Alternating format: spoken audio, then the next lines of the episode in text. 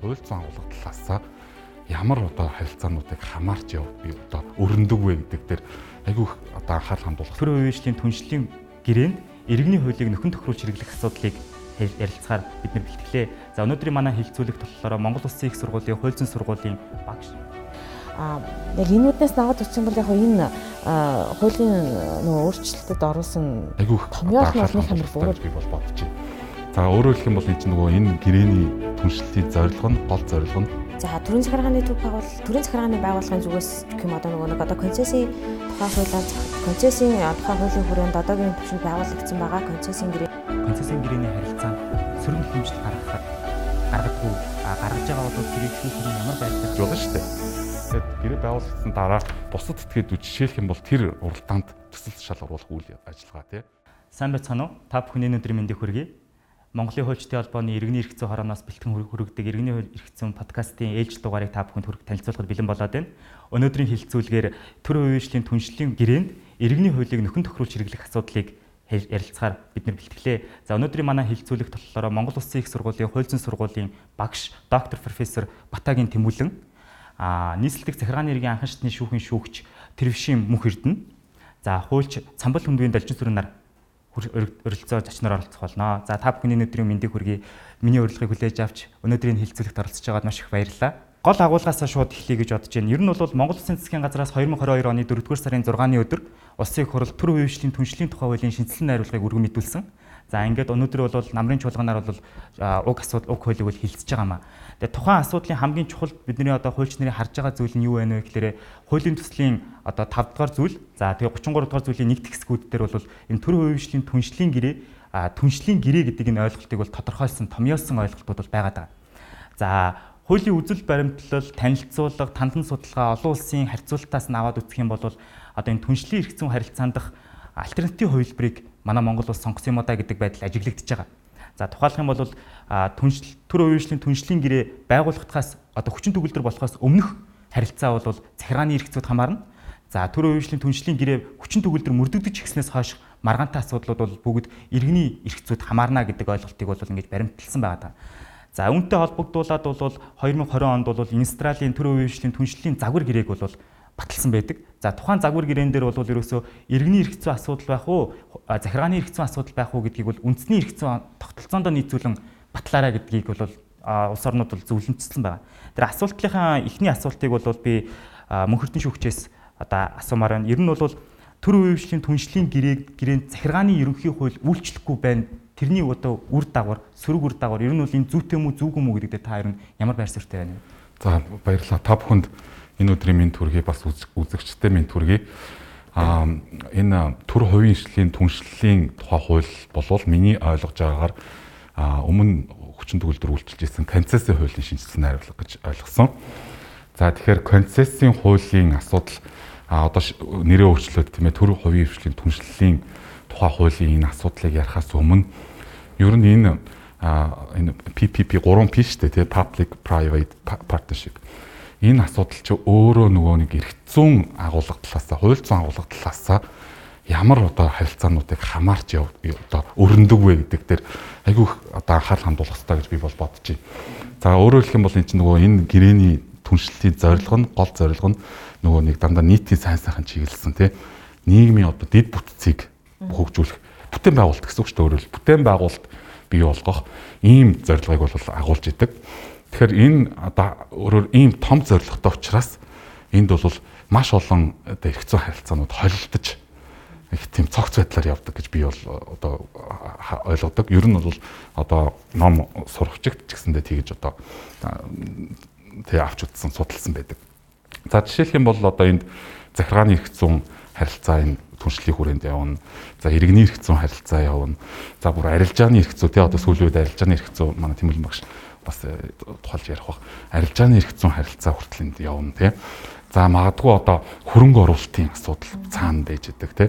Дандаа одоо дотоодын компаниуд гэхээсээ илүүтэйгээр эн чинь одоо гадаадын тий гадаадын хөрөнгө оруулалт дээр түшгэлж энэ харилцаа бол хөвчлэн явж.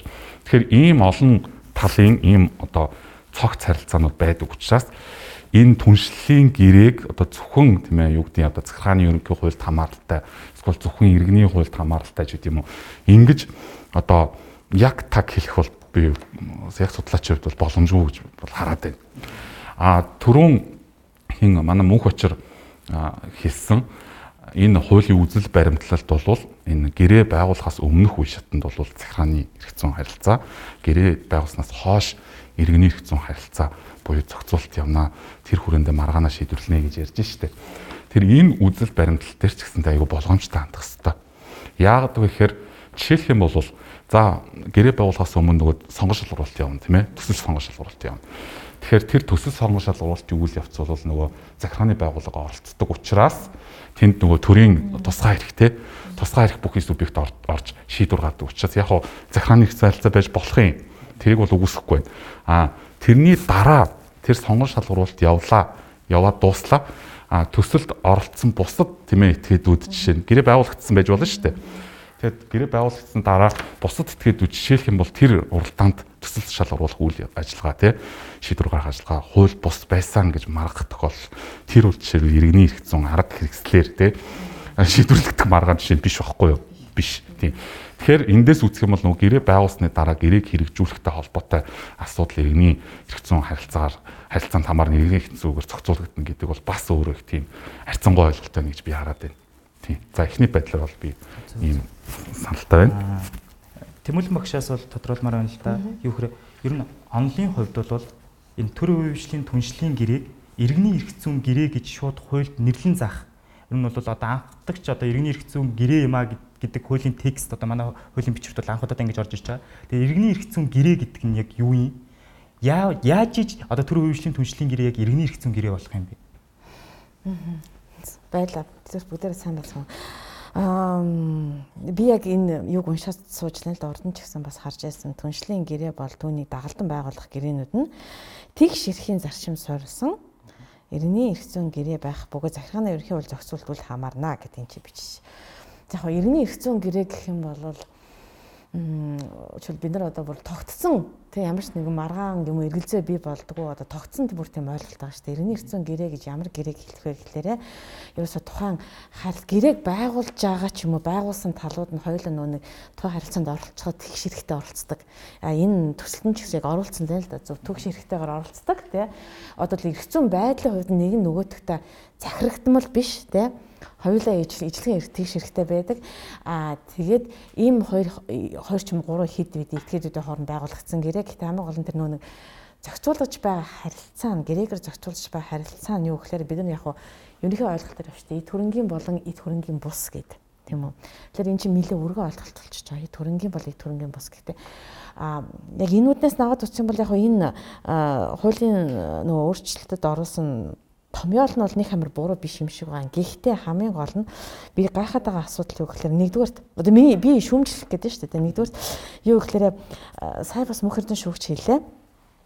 Яг энэ жишээлбэл түншлэн гэрээгээр зохицуулж бүх харилцаа чинь иргэний зүйн харилцаа бүгдээрээ байх уу гэдэг нь маш эргэлзээтэй асуудал болж ирж байна. Ягаад сая хэлсэн шүү дээ. Энд чинь өөр нөгөө нэг маш өргөн цогц асуудлыг зохицуулдаг учраас уучлаа ганцхан эд хөрөнгийн бол эд хөрөнгийн бус харилцаа энэ чинь бол орохгүй нь ойлгомжтой болж ирж байна тийм үү. Нэгт а гэтэл нөгөө нэг өөр салбар эрх зүйрээр зохицуулаад захиргаа махиргаач гэдэг юм уу тийм ээ. Олон улсын эрх зүйн асуудлыг зохицуулах асуудлыг хүчээр хүчээр шүү. Хүчээр тэр хуулинд ингээд заах юм бол хүчээр бишээ. Наад чи иргэний эрх зүйн харилцаа гэж ингэж оруулах нь өөрөө буруу. Яагаад гэвэл тэр харилцаануудыг чинь зохицуулах хууль нь өөр а зохицуулж байгаа хуулийн дах зохицуулж байгаа аргачлалын шал өөр, зарчмын шал өөр гэдэг. Тэгэхээр ингэж хойлж хутах нь бол өөрөө ерөөсө буруу юм а тийм нэгний асуудал. Хоёр дахь асуудал хэрэг даашаа ямар нэгэн байдлаар бүр иргэний хэцүү гэрээ шүү гэж ингээд бүр ингээд хүчээр оруулах гэдэг юм бол би энэ чинь бас дахиад шүүмж хэлмээр байна. Хараач үсв. Юу гэхээр уучлаарай энэ чинь а иргэний хэцүү гэдэг нь хэр зэрэг оновчтой юм Яа тэгэхээр иргэний эрх зүй гэдгийг гэдэг ойлголт нь өөрөө жоохон юу хитрхийн нөгөө өрөөсгöd ойлголт болоод байна уу да гэж би бодож байна. Яа тэгэхээр энэ зүгээс иргэний хуулиар зохицуулах байгаа харилцаа байхгүй.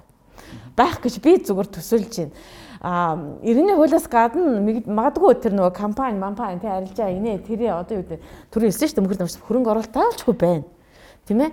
Иймэрхүү одоо хуулиар зогсуулж байгаа. Эдгэр чинь бүгд иргэний эрх зүй биш. Эдгэр чинь нөгөө юу болж байгаа гэхлээрэ хувийн эрх зүй.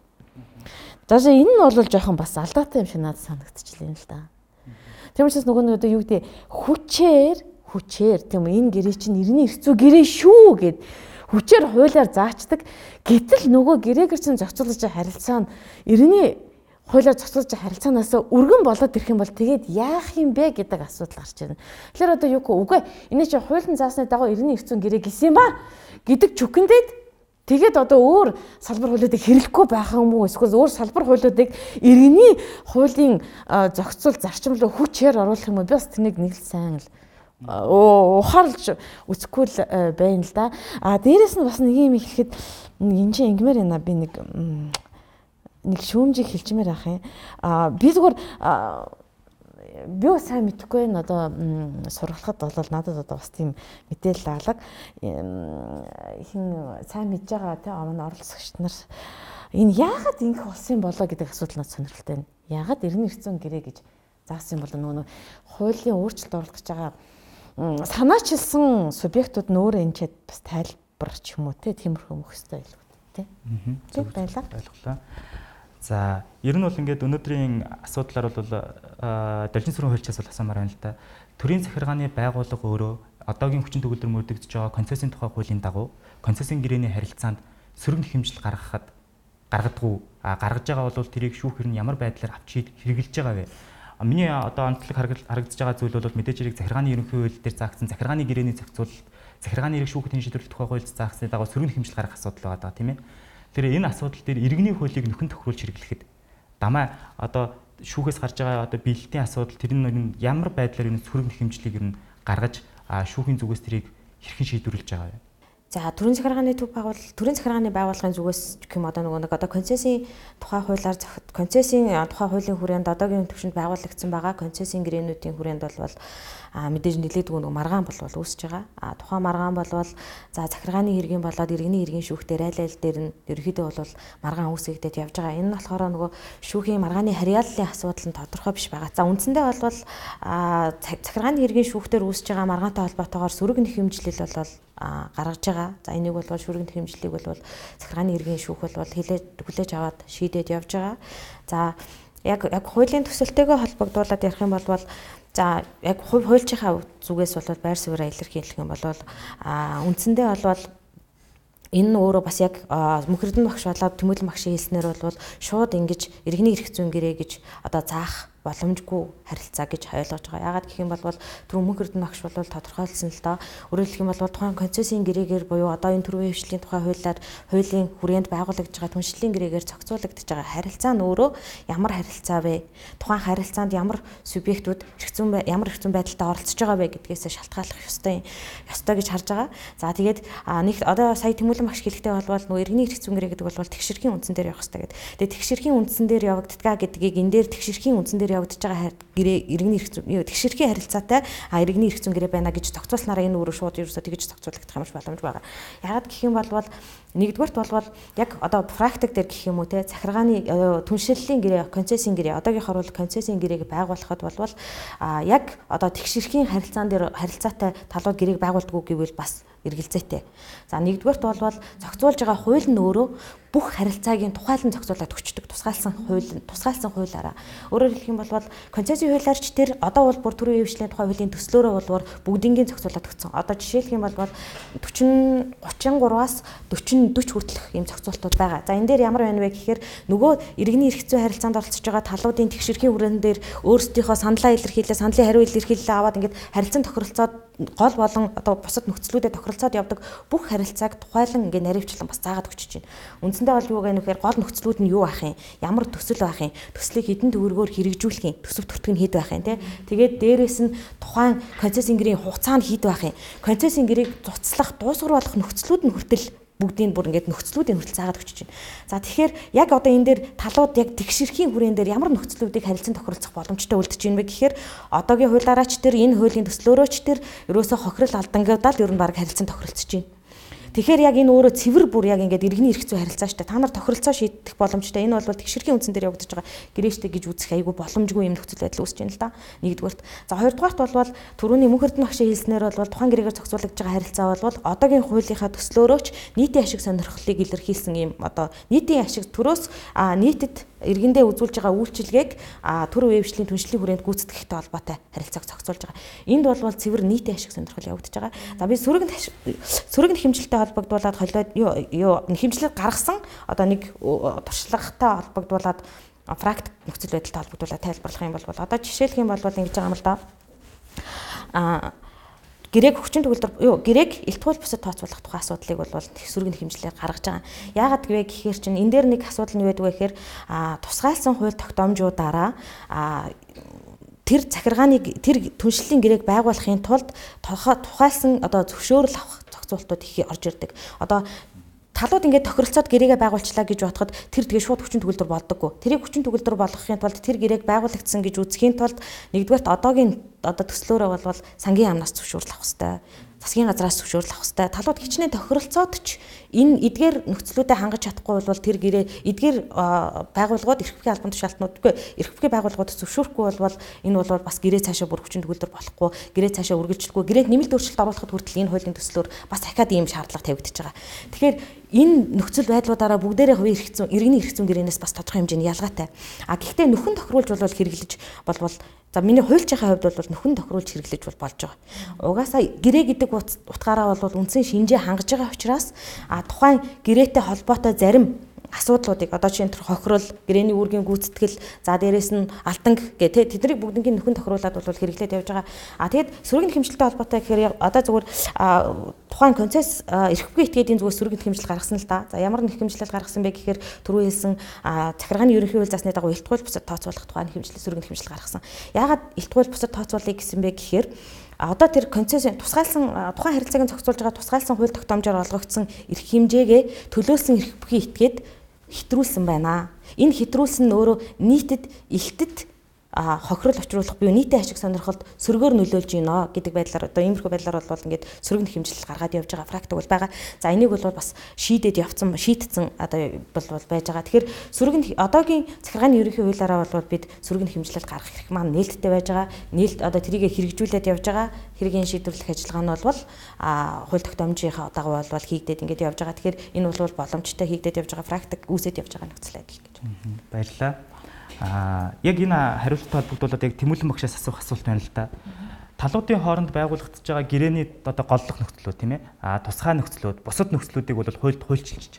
А тэгвэл энийг иргэний хуулийн дагуу байгуулагдсан гэрээ гэж үзэхийн тулд ингэж хуульчилсан байхад а иргэний хуулийн 195-ын нэгд хэсэг 41-ийг одоо хэрэглэгдэж болно. Өөрөөр хэлбэл талууд хоорондоо одоо гэрээний үнийг угаасаа анханасаа яаж тогтоох гийг нь бол одоо журмаараа зохицуулчих чинь хуулийн дээр тусгахчих чинь. За тэр нь магадгүй төгтөр хвшлийн түншлийн гэрэн дээр BOT байх юм уу тийм DBOT байх юм уу гэх төрлөөсөө хамаарат янз янз байгаа да. Тэр энэ бүх юмыг ингээд тусгачтсан байхад энэ дээр иргэний хуулийн 195-ын нэгэн дагуу санал гаргаад 41-ийн дараа саналын хариу ирсэн гэж үзэх боломжтой юу? Аа баярлалаа. Гоё асуулт. Би сая тэгээ Далчин сүрэнгийн хэлжсэн үндслүүдийг сонслоо л да. Үнэхээр 100% санал нийлжинд болж эсрэг. А таны асуулт гэсэн яг энэ хэлсэн зүйлтэй холбогдож байгаа шиг байна.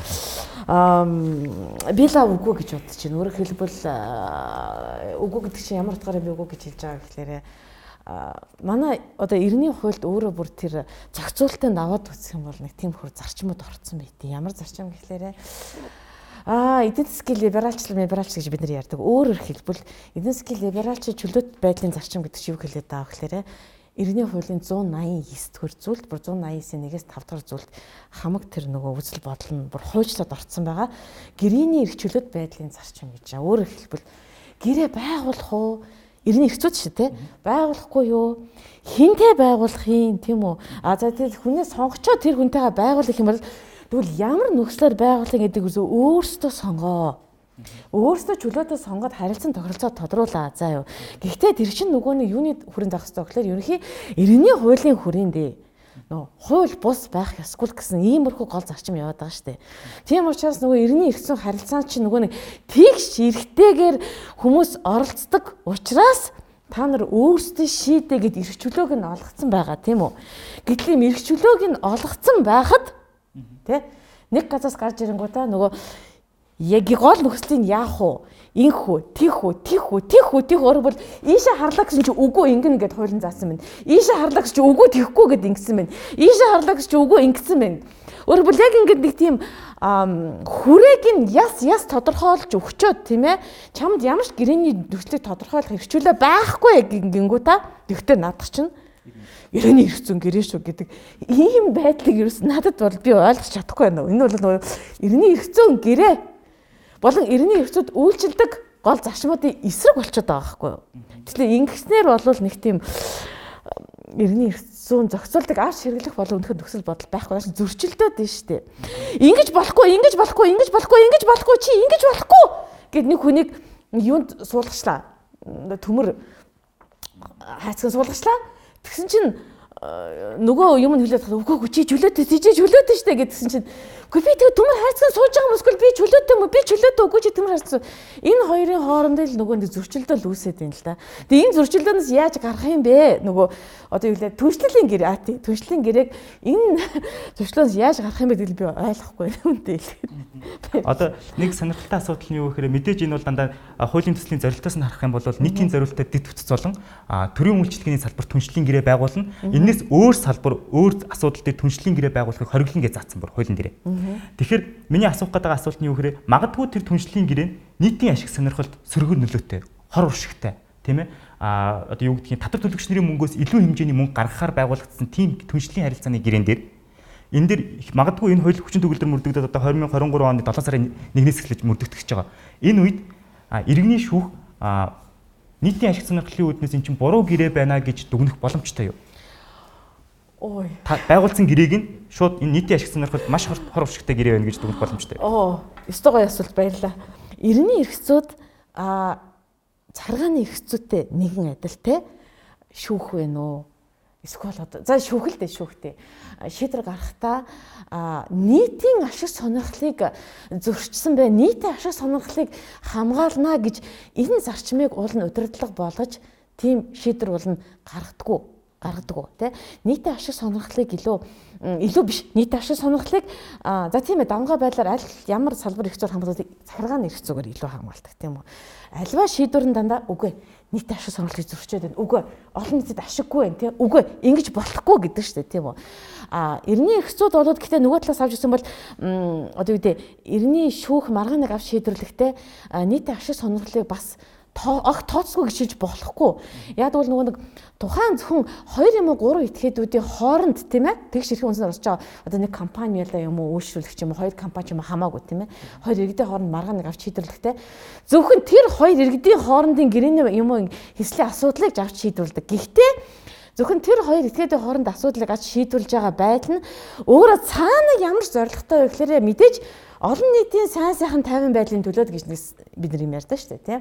Тэгэхээр хэдийгээр тийм боловч хэдийгээр иргэний маргааны байгаа байдлын боловч аа би л одоо жил би энэ салбарт хэдэн жил ажиллаж байна. Нэг 30 жил гаруй болж байна тий. Олон нийтийн ашиг сонирхлын үүднээс гэж иргэний шүүх тийм шийдвэр гаргах юм бол гайхна. Үнэхээр гайхна. Би одоо тэгвэл би юу гэж бодвол би шавнартаа өдөө хотол би төсгсөн шавнартаа одоо зааж байгаа шавнартаа би ямар хичээл заасан ямар шинжилгээний салбар заасан би ирээдүйд юу заах юм гэдэгтээ би бол гайхаж байна. Үндэ хэлэхэд энэ ч одоо нээлт болох гэдэг шүү дээ уучлаарай нээлт болж ин эртний эрсцүүд шинэ нээлт гарах гэдэг юм тийм үү? Би тэгж л ойлгоё. Одоо тэрнийхээ нээлт гаргаж болон чөлөөтэй либералчл чөлөөтэй гэхдээ хамгийн гол нээлт хийх гэж байгаа бол нээлтээ үндслэлтэйгээр бүр нотлоод өгөх юм бол болж байна. А үгүй бол уушлаараа энэ нөгөө гарч байгаа шийдвэр нь үнэлэхгүй болчихно л та. Зөв зөв ойлголоо. Баярлалаа. Яг энэ бас яг хариулттай холбогдуулаад мөнхөртөн шүүгчээс яг тодруулмаар зүйл бол байна л та. Юу гэхээр за иргэний шүүх бол талуудын диспозитив зарчмын үүднээс бол хэрэг маргааны хянан шийдвэрлэнэ. За одоогийн хуулийн төсөл дээр бол тэгж орсон. А гэхдээ 33-ын 1 хэсгийг харах юм бол ерөөсөө захиргааны ерөнхий хуулийн үйлчлэхгүй шүү, үл хамааран шүү гэдэг заалт байгаа тийм. Тэр хэрвээ ингээд нийтийн ашиг сонирхолд ингээд хамаарсан шийдвэрийг бол ганцхан захиргааны эрх зүгээр хамгаалахын боломж нь бүрдэж байгаа өнөөдрийн манай Монгол улсын нийгэмд иргэний хуулийнхын тэр холбогдох нөхөн одоо зохицуултуудын нөхөн тохируулж хэрэглэхэд ер нь ямар асуудлууд юу юуг анхаарах шаардлагатай яавал нийтийн ашиг сонирхлыг тэгж хамгаалсан шийдвэрийг тухайн гэрээнд гэрээний маргааны хянан хилцэж яхад ер нь шийдвэрлэх боломжтой гэж таарч байна. За баярлалаа асуултанд сонирхолтой асуулт байна. А гэхдээ асуултны гол юунд хариулахаас өмнө би энэ Тэмүүлэн профессорт бол маш санал нэг нэг байна. За 33-ын нэгд бичсэн тэгээ төсөлтөөр бичсэн хэм хэмжээнээс үзэх юм бол энэ яг батлагдаг байгаа тийм. Гэхдээ бичсэн хэм хэмжээнээс үзэх юм бол түрүүн мөнх очир хэллээ захиргааны ерөнхий хуулийн зохицуулалтад үл хамаарна гэдэг бүр маш тийм хатуу бичиж өгсөн байгаа байхгүй юу. Тэр энэ бол үнэхээр тэгээ яаж ч бодсон байх боломжгүй.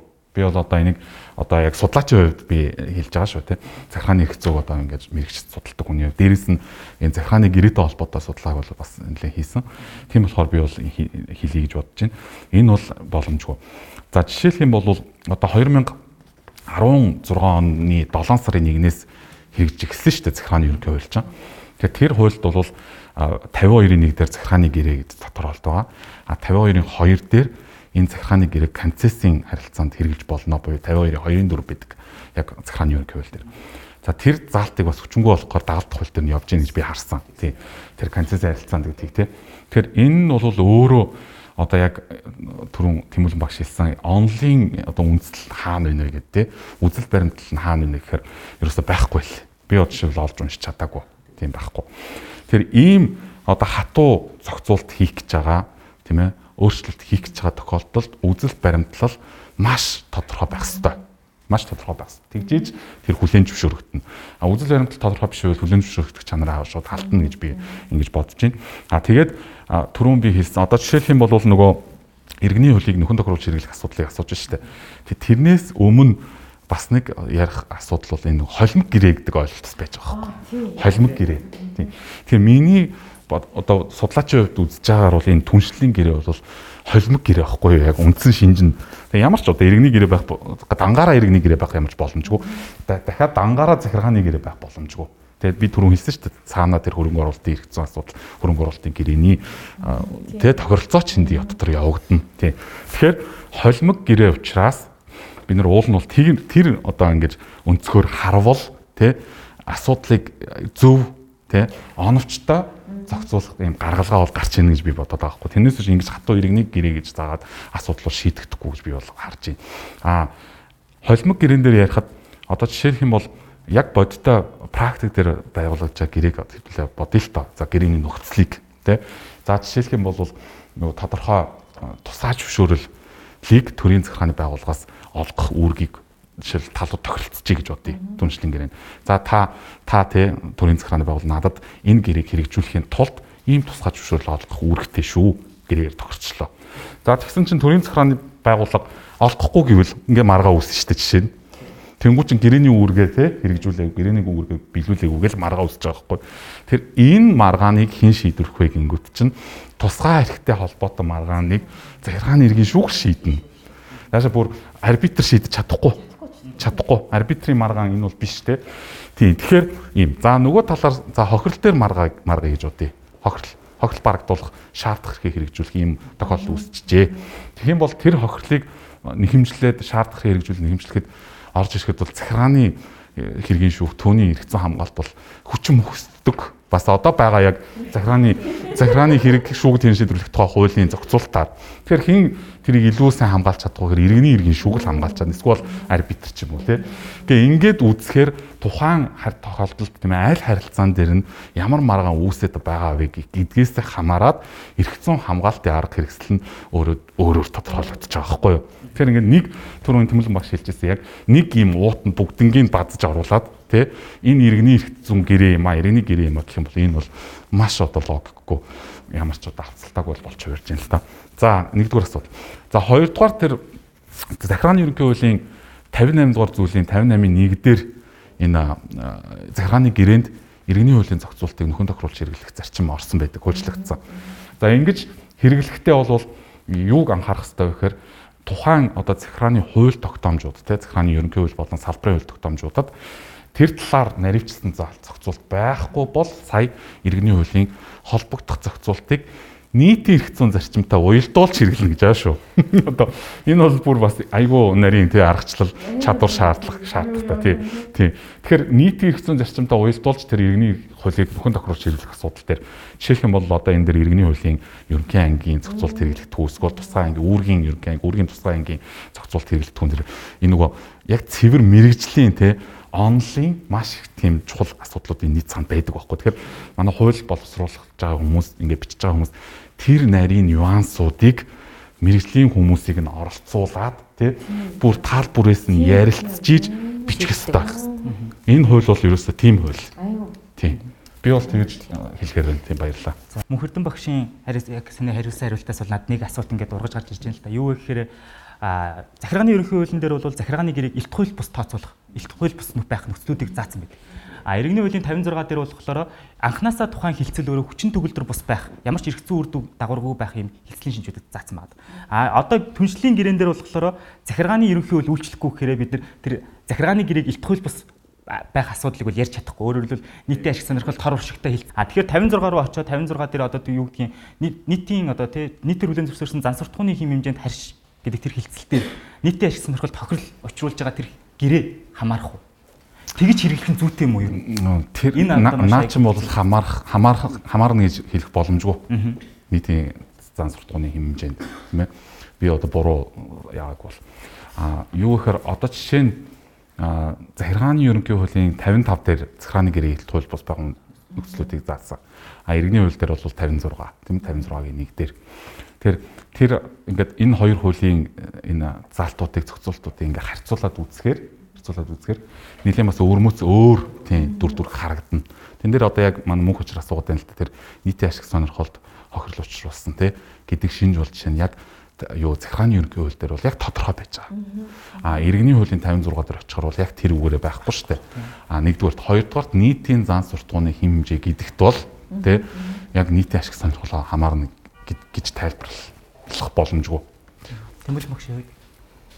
Би бол нөхөртэй шүүгсээ санал нийлж ин л да. Яг бол наад чи нийтийн жишээл би ингэж асуух гэдэг нь эргээд одоо энэ ялцлах ялцлах болох гэдэг тоонд биш захиргааны ерхий хууль төр одоо юу гэдэг нийтийн ашиг сонирхол хохрол урсуулсан илт хууль бус гэдэг дээр яг ямар үндэслэл байх вэ? Тэгэхээр тэрний чинь яг илт хууль бус байна юм уу? Эсвэл нийтийн ашиг сонирхол хохрол урсуулсан гэхэл тэрний чинь тухайн тохиолдолд шүүгч нар маргааны шийдвэрлэх юм уу? Тэгтээ бол тэрний шин тайлбар хийж авч хэлэх гээд байна да тийм яг энэ тохиолдолд энэ тохиолдолд яг өөрөө нийт ашиг сонирхолд хохирол учруулж үү гэдгийг үзэх гээд тийм үү тэр чинь наа чинь тодорхойгүй ойлголт юм яг агуулгын тодорхойгүй Яг хэрэглэхтэй тайлбарлах гэдэг нь яг энэ энэ шинжээрээ болвол тэр манай иргэний хуулийн 56-гийн 1-ийн 1-ийн нөгөө нэг нийтийн зан суртахууны хэмжээг зөрчсөн гэдэг утгаараа нөгөө нэг яг яг энэ шинжээрээ төстөө тэр үндэслэлтэй. Яг бол тэр ойлголт бас өөр агуулгын хувь тодорхойгүй. Яг юу гэсэн үгийг нийтийн одоо нийтээр юу лээ? Зан суртахууны тий хэмжээ зөрчсөн тий. бас тодорхой бус нөгөө яг тухайн тохиолдолд тайлбарлах ёстой. Зүгээр яг аргачлалынхаа хэрэглээний хувьд ижлэхэн боловч цаатлын агуулга энэ зохицуултын зорилго хоёр нь шал өөр болчиход байгаа юу? Шал өөр. Ягаад гэвэл энэ чинь бол захиргааны хэрэгцүүд бол нийтийн ашиг сонирхол дахиад ярьж штэ. Хохирол учруулсан нийтийн ашиг сонирхлыг хамгаал олон нийтийг хамгаалаад байна. А тэгвэл 90-ийн үеийн 56-ын нэгийн нэг зааснаар болвол тийм нөө зан суртахууны хэмжээ гэдэг чинь бид нар олон нийтийн ашиг сонирхол гэж хийж ерөөсө тэр өнцгөр авч тайлбарладаггүй. Зан суртахууны хэмжээ гэдэг чинь нөгөө юу хэлээд байгаа болохоор голцоо дандаа л ингээд эдийн засгийн эдийн болон эдийн бус сэргэлтэнд тийм ээ ингээд оролцогчт нь тийм үү?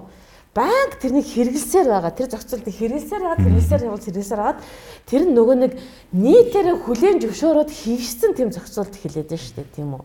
Одоо жишээ нь юу ээж болох вэ? Жишээ нь. За жишээ нь ингээд энэ ч одоо нэг жишээ нь бол ерөнхийдөө чөөхөн прожект тогтсон юг оруулждаг гэхээр а хэд өндөр хүүтэй. Тийм ээ одоо шил иргэд хоорондоо юу зээлийн гэрээ байгуулахдаа хит өндөр хөлтэй байгуулаагүй болооч. Хидээгээр наад чинь яг иргэд хоорондоо тийм өндөр хүүтэй юм байгуулж болохгүй гэсэн тийм яг хатуу тогтоц зөвхөн зөвхөн байхгүй боловч манай Монгол улсын нийгэмд ерөөсөө банк байна банк бас ахуйг байна хүмүүсийн хоорондоо харилцаа нь те хит өндөр хүүг тогтоохгүй гэдгийг тэр тэр бүгдээрээ хүлийн зөвшөөрөөд хүлийн зөвшөөрдөг хэрэгжүүлэл сурцсан. Тэгэхээр энэ чинь илүү нийтийн ашиг сонирхлыг хамгаалах хохирол учруулахаар биш Харин зөвхөн тэр нөгөө нэг саяны тохиолдолд зээлийн гэрээ байгуулсан хоёр 90А 90 бай хоёр байгуулах бол нөгөө нэг зээлдэгчийн ашиг сургалтыг илүү хамгаалаад байгаа үстэй тийм ээ. Танд хохиролтой байна. Нийтийн ашиг сургал энэ чинь хаана байгаа. Энэ хоёр ерөөсө хоорондоо ерөөсө нийцэхгүй л болчиход байна л да. Тэг яаж нийцүүлэх юм болоо л гэдэг би гайхаад байна тийм. А тэгээ бас нөгөө нийтийн зан суртахууны хэмжээ гэдэг дээр нэмээд хэлэхэд сая Тэмлэн багш яхад би бас энэ санаа орж ирлээ. Жишээлбэл бол захиргааны эрхцүүд а захиргааны эрхцүүд ерөнхий одоо анги дээр юугаа үзэж байгаа шүү дээ бид нар чинь. Тэгэхээр нийтийн зан суртахууны хэм хэмжээ гэдгийг жишээлбэл юу гэж авч үздэг вэ гэхээр эрхцүүн хэм хэмжээгээр бэхжсэн заншлын хэмжээ гэж. Захааны их зүд бол жишээ нь тэгж үздэг. Тэгээ нөгөө захааны ерөнхийлөн 48.2 баа штэ. 48.2 нөгөө хууль бус эрг нөлөөлтөй хууль бус актыг хүчингү болгох гэдэг дээр байдаг байхгүй нийтийн зан суртахууны хэмжээ зөрчсөн бол тухайн захааны актыг хүчингү болгоно гэдэг. Тэгэхээр тэрийг тайлбарлалтаа онлын тайлбар юу гэж явдаг вэ гэхээр нийтийн зан суртахууны хэмжээ гэдэг дотор би сая хэллээ. Заншлын хэмжээ хамгаалагдана гэж энэ жишээл тэгж үздэг. Захааны эрх зүйд Тэгэхээр бол энэ яаж ч одоо ба тий агуулгаараа холбогдохгүй болоод байна л та. Тэгээ нийтийн ашиг сонирхол тусдаа. Тий. Баярлалаа. Аа дараагийн асуултад элчин сүрэн хуульчаас асууя. А дээрээс нь дагалдан гарах энэ хуулийн төслүүдтэй холбогдуулаад авч үзэх юм бол ер нь төсвийн тухай хууль, хөгжлийн бодлого төлөлтөөний удирдлагын тухай хууль, төлөвлөд заасан цаглбарын асуудлын төрийн хөгжлийн түвшлийн тухай хууль дээр нь хэр сууж өгсөн гэж та харж байгаа вэ? За нөгөө ажлын дид хэсэгт байсан. Гэтэ дид хэсгээсээ бас гарсан. Тэгээд аа төмчлэн бас нөгөө эдийн засгийн хөгжлийн яамны хуулийн ахлах мэрэгчлэлний албан тушаалаасаа бас 30-ны өдрөөр чөлөөлөгдсөн. Тэгэхээр ерөнхийдөө бол ажлын хэсгийн болон төрийн албаны одоо нэг албан тушаалтны байр суурь гэж үлрээсөө байр суурийг бол илэрхийлэх боломжгүй. А зөвхөн нөгөө хуульчийн хувьд бол яг энэ хуулийн төсөл дээр а ямар нөхцөл байдал үүсэж байгаа. За эдгээр нь бол хуульчийн хувьд бол хараад аваад үзэхээр а нөгөө бас цохимжгүй байна, боломжгүй байна гэдгээл бол ерөнхийдөө бол энэ подкаст хүрээнд илэрхийлж байгаа гэдгийг бас хэллээ. А тэгээд үндсэндээ бол нөгөө уг хуулийн төсөл маань өөрөө засгийн газраас өргөн мэдүүлсэн. За тэгээд А за уг хуулийн хуулийн төслийг бол үндсэндээ төсвийн цагл төсвийн тухай хуулийн төсвийн тухай хууль болон хөгжлийн бодлого төлөвлөлтийн тухай хуулийн цаглбарт нийцүүлэн боловсруулсан гэж бол ерөөхдөө үзэж байгаа.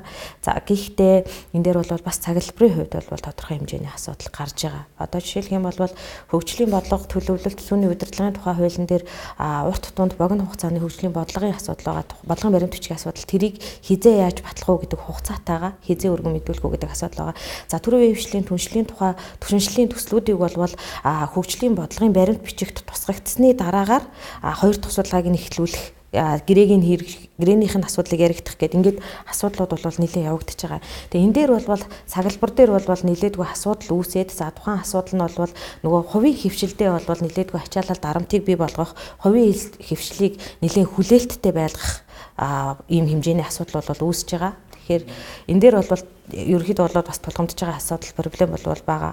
Гэхдээ яг одоогийн байдлаар бол миний хар бол нөгөө захиргааны ерөнхий хуулийн дүүлчлэх ёстой юу үгүй юу гэдэг асуудал яригдж байгаа болохоор тухайлан болвол тэрийг бас яг бүр тодорхойлж хугацааг нь гаргаж бодлоо ярих ярьж одоо бэлтгэж ирээгүй л юм л да. За баярлалаа.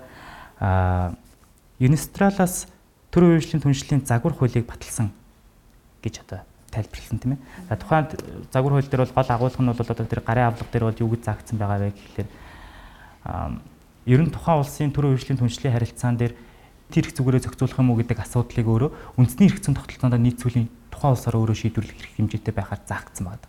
Тэгэхээр ер нь түншлийн гэрээг иргэний зүйн гэрээд хамааруулах нь ер нь их газрын зүйн одоо тогтолцоо за үндэсний зүйн тогтолцоонд ер нь нийцэх үү гэдэг асуултыг та гурвынхаа гурвуулныхын дунд нь нэм тавьж байгаа.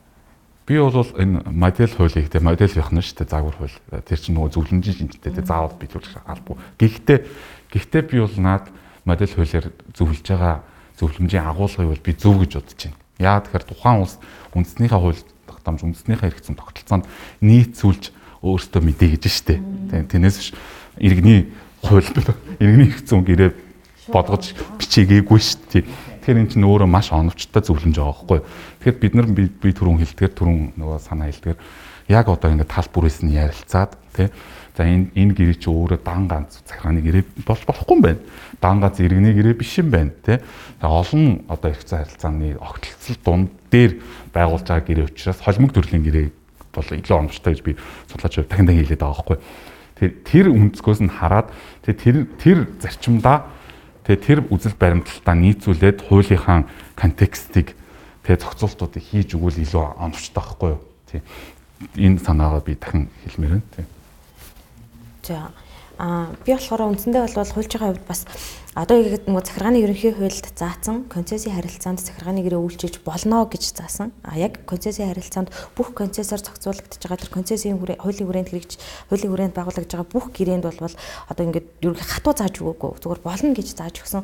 Тэгэхээр энэ миний ойлгож байгаа харж байгаагаар бол тухайн үедээ одоо тухайн захиргааны ерөнхий хуулийн төсөл болон хэргийн шийдвэрлэх ажиллагааны хуулийн төсөл явж байгаа явцад болно гэж зааж өгсөн нь өөрөө одоо манай багш нарын яриад байгаа тэр хосол холимог гэрээ гэдэг агуулгыг нь харж болно гэж зааж өгсөн болов уу гэж бас хараад байгаа.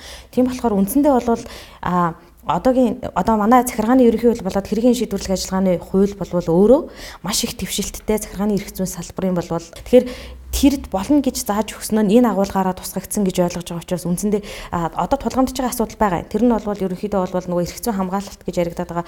Одоо ямар төрлийн харилцааг нь аль шүүхийн журмаар шийд харилцаанаас үүссэн маргааныг аль шүүхийн журмаар шийдвэрлэх үү гэдэг нь л одоо тулгамдж байгаа асуудал байгаа болохоос биш биш.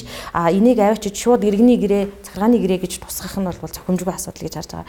А нөгөө талаараа бол нөхөн тохируулахтай холбоотой асуудал дээр бол зөвхөн нөхөн тохируулж хэрэглэх асуудал бол хэрэг шийд шийдвэрлэх ажиллагааны явцад маргааныг шүүхтэг шүүгээр таслахад хэрэглэгдэж байгаа юм биш. А концессийн гэрээг байгуулах явцад одоо нөгөө төрийн албан хаагчид болоод одоо тэр концессийн гэрээ байгуулж байгаа этгээдүүд эрийг захиргааны гэрээ төр үеийнхний түншлэлийн хууль дээр ч байна уу захиргааны гэрээн дээр тийм захиргааны бий болоод ерөөхдөө захиргааны гэрээ гэж үзэж байгаа. А тэрэн дээр иргэний гэрээг иргэний хууль тогтоомжийг нөхөн тохируулж хэрэглэх зайлшгүй шаардлага үүсэж байгаа.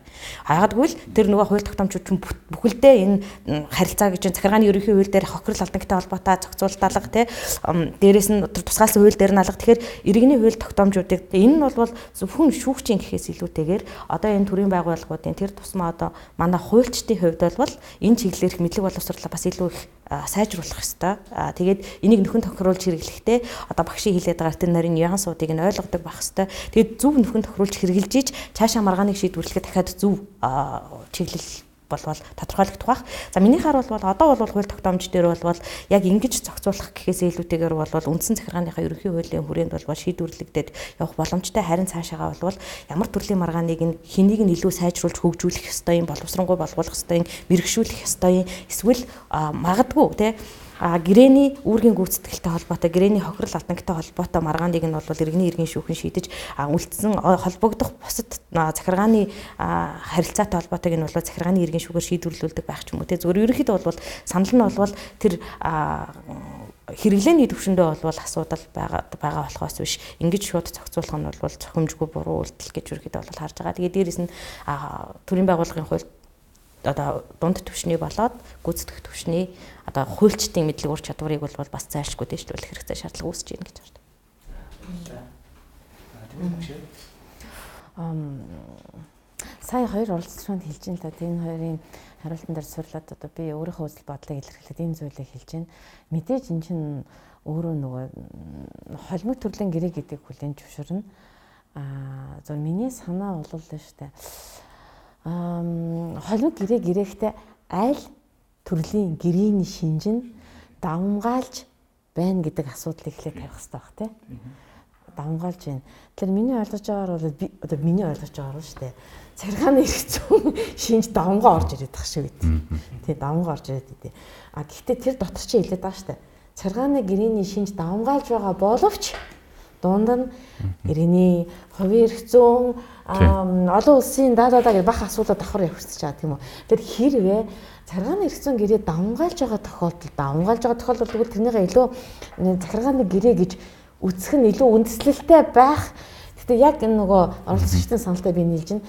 Хэдийгээр тийм боловчиг биш үү? Нэг л одоо өөр нийгмийн харилцаа нөлөө орон олон маш их олон төрлийн болж ирээд ялчгүй ийм гэрээг байгуулах шаардлага уран гарч иж байгаа учраас яг энэ гэрээг одоо жишээл дүгнэх юм уу дүгнэх шиг маргааны шийдвэртэй холбогдлолт нэгдүгээр захиргааны хэргийн шүүгч тэгвэл өөрөөсөө давхар зөвхөн захиргааны эрх зүйгээр өөрийнхөө мэдлэгээ хязгаарлахгүйгээр те давхар өргөн хувийн эрх зүй олон улсын эрх зүй мэдлэг сайн сайжруулах хэрэгтэй байх гэж би бодож байна. Уучлаарай би тэднийг мэдлэхгүй гэж хэлээгүй зүгээр нөгөө иймэрхүү гэрээнүүдийн маргааны шийдвэрнүүд илүү нарийн мэдлэг чадах шаардлага болов уу гэж би зур бодож байна. Тэрнээс Нэг ийм чих хандлага маа байдаг юм шиг байна. За энэ бол захиргааны гэрээний асуудал захиргааны хэргийн шүүх шийдвэрлэн энэ иргэний маргаан хэсэг энэ гэрээний нь иргэний шүүх шин. 2 3 талд маргаа үүсчдэг ч юм уу. Тэг хизээ нэгэн шийдвэрлээд хийгээд шийдвэрлээд ингэж ирсээр хагаад хугацаа нь яваа за тэгээд нөөбөө асуудал үүсэх байх. Тэрний оронд асуудлыг хэлбэр шийдэхин оронд ийм бас нэг шийдэл байж болох юм. Ер нь тэгээд орчин үед болвол ер нь орчин үед болвол л штэ захиргааны маргаанууд шүүлүүд одоо би ингээд ажиглаад л ингээд л тий зарим нэг шийдвэрг уншаад байхад захиргааны маргаанууд өөрөө жишээл одоо ингэж шээ захиргааны маргаа юм шиг боловч агуулга нь иргэний хуулиар шийдвэрлэх тийм маргаанд маш их гарч ирж байгаа. Энийг бол захиргааны шүүх шийдвэрлэж байгаа шүү дээ. Жишээл одоо хамгийн сүүлийн үед баахан сошиалар тийм юм яваад ирсэн. Юу гэсэн чинь нөгөө нэг банкны зээлийн шимтгэл хүүгийн асуудал. Цагааны хэрэг шийдсэн үү? Шийдсэн. Гэтэ хөөх үнэлтэд шийдсэн байхгүй. Би тэрнийг үзээд ахаа гэжсэн. Яг тэгэхээр зээлийн шимтгэл илүү хүүг зээлийн шимтгэл юм хураамжийг яаж зарцуулсан тодорхойгүй байгаа учраас энэ хүчин төгөлөөр бусч юм уу тиймэрхүү гаргаж байгаа. Уул нь болвол тухайн шүүх зөв үндэслэл шийдвэр гарах гэсэн бол тэр нөө акт баа шүү. Акт тавиад актаар шийдвэрлэхдээ акт нь үндэслэл байна гэдэг шийдвэрлэхдээ эргээд иргэний хууль руу буцаж очиод иргэний хуулийн нөгөө гэрээний стандарт төгслөл 200-аас 202 дугаар заалтуудаа тэрнийг аваа шийдсэн бол илүү үндэслэлтэй байсан. Тэгэхээр энэ чинь нөгөө юу хэлээд байна вэ гэхээр вообще захиргааны эрхцүүд гэрээ вэ ямар нэг асуудал байна цэвэр захиргааных байхгүй харилцаа нь одоо тийм байна. Тийм учраас энэ захиргааны концепц биш ээ. Түншлийн гэрээг үг аа наадах чинь нэрний хэвцэн асуудлууд орсон байна гэж бид нар ав шийдвэрлэхгүй гэж үзэх нь өөрөө жоох утгагүй болчиход байна. Давмгайлж байгаа шинж нь өөрөө захиргааны гэрээний шинж байхад дунд нь бусад асуудлууд орж ирсэн байж болно. Тэгэхээр давмгаасан шинж нь тийм байх юм бол тэгвэл тийшээгээ шийдвэрлэхээс одоо өөрөө үнэлсгэл болчиход шүү дээ. Гэдэг миний үсэл бодлоо тийм А би бас нэг уучлаарай нэг юм энэ бас гол пункт байж магадгүй. Одоо хин тэмүүлэн багш бас мэдж байгаа. Өөр сүүл үед нөгөө иргэний эрх зүг, арилжааны эрх зүгээс тусгаарлах юм концепц явж байгаа шүү дээ манай Монгол тий. Хууль зүйн төдөргийн яамнаас ингээд арилжааны хуулийн төсөл мөсөл боловсруулаа. Тэгээ энтэй холбоотойгоор сая гинт надад орж ирлээ. Энтэй холбоотойгоор жишээлх юм бол нөгөө Нью-Йоркийн конвенц гэдэг байхгүй тий гадаадын арбитрийн шийдвэрийг хүлээн зөвшөөрч биелүүлэх тухай Нью-Йоркийн конвенц 1952 оны конвенц гэдэг санагдаад байна. За оныг би буруу санаж магадгүй. Тэр конвенцэд манай улс нэгдэж орохдоо notification дээр тайлбартай нэгдэж орсон байхгүй.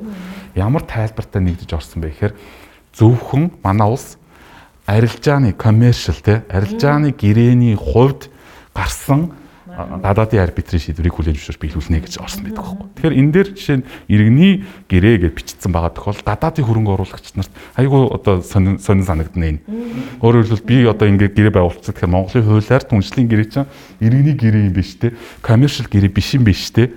Тэгвэл одоо би арбитраар жишээлбэл маргаанаа шийдвэрлүүлчих юм бол арбитрийн шийдвэр хүлээн зөвшөөрч биелэгдэхгүй юм байна шүү гэдэг асуудал хүртэл гарч ирэх байхгүй. Тэгэхээр энэ асуудлыг хүртэл хууль боловсруулагчд гэдүүд тооцоолж тэ нарийн харсан байх хэвээр. Тэгээ би бол энэ битсэн 33-ын нэг битсэн хэмжээс харахад бол уучлаарай хараагүй юм байна л гэж бодож байна. Хараагүй юм байна л да. Уучлаарай нэг зүйл хэлээд нэмэт хэлчих хүсвэл чинь. Яг нэг дэвшилттэй юмнад харагдаад байна. Энэ жишээлбэл төсөл дээр дэвшилттэй юм юу гэхээр концессийн тухай хууль гэж концессинг гэсэн нэрээсээ татгалцчих юм. Маш их том дэвшил яа гэхээр концесс бол өөрөө концессинг гэрээнд өөрөө PPP буюу нөгөө public private partnership-ийн зөвхөн нэг төрлийн гэрээнд идэг байхгүй. Тий. Тэгсэн чинь манайхаа аваачаад тэрний хуучин дээр консенсийн тухай хуулинд юу гэж хийсэн гэхээр BOC, BOO эднийг бол зөвшөөрсөн юм шиг байгаа юм хуулиндаа. Тэгсэн мөртлөө хуулийнхаа нэрээс нарах юм бол зөвхөн консенсийн Тэр гэрийн тусаас зөвхөн нэг төрлийн аваа зөвхөн консенсийн гэрээ манай Монгол байгуулах хэрэгтэй юм шиг яатсан тий. Тэр алдаагаа засаад одоо ядаж түншлэл гэдгийг нь зөв оруулаад ирсэн байна. Тэр нь бас нэг дэвшил юм байна. Гэхдээ нэр нь дэвшилтэй болож байгаа агуулга нь бас цаана маш баргаантай маш хэцүү асуудлыг одоо дагуулсан л тиймэрхүү юм. Тэр энэ байдараа батлагдаж авах юм бол одоо тэгжл одоо жишээл мөхс би бол тэгж харж байна. Тэгээд хуулийн төслийг боловсруулж байгаа хүмүүс илүү туршлагатай гэдэг үгнээс юу гэж хардсан бол таа мэдээгүй. Тиймэрхүү л. Баярлалаа. Тэгэхээр гол агуулгын хүрээнд бол бид нар бол өнөөдөр бол төр үеийн түншлэлийн тухай хуулийн төсөл тусгагдсан 5 дугаар зүйлийн 5-1-ийн 20 дахь хэсэг За 33 дугаар зүйлийн 33-ын нийт хэсэг заасан түншлийн гэрээ гэдэг нь яг юу юм бэ? Энэ дээр ер нь захиргааны ерөнхий хуулийг нөхөн тохируулж хэрэглэх асуудал нь юу юм? Иргэний эрх зүйн гэрээ болох юм уу үгүй мүү гэдэг дээр тодорхой хариулт болохоор хилцүүлгийг өрнүүллээ. За нийт оролцогч нартаа маш их урилгаар хүрчээсэнд маш их баярлалаа. Аа үзэгч та бүхэндээ анхаарал хандуул сонссонд гүний талархал илэрхийлье. Баярлалаа.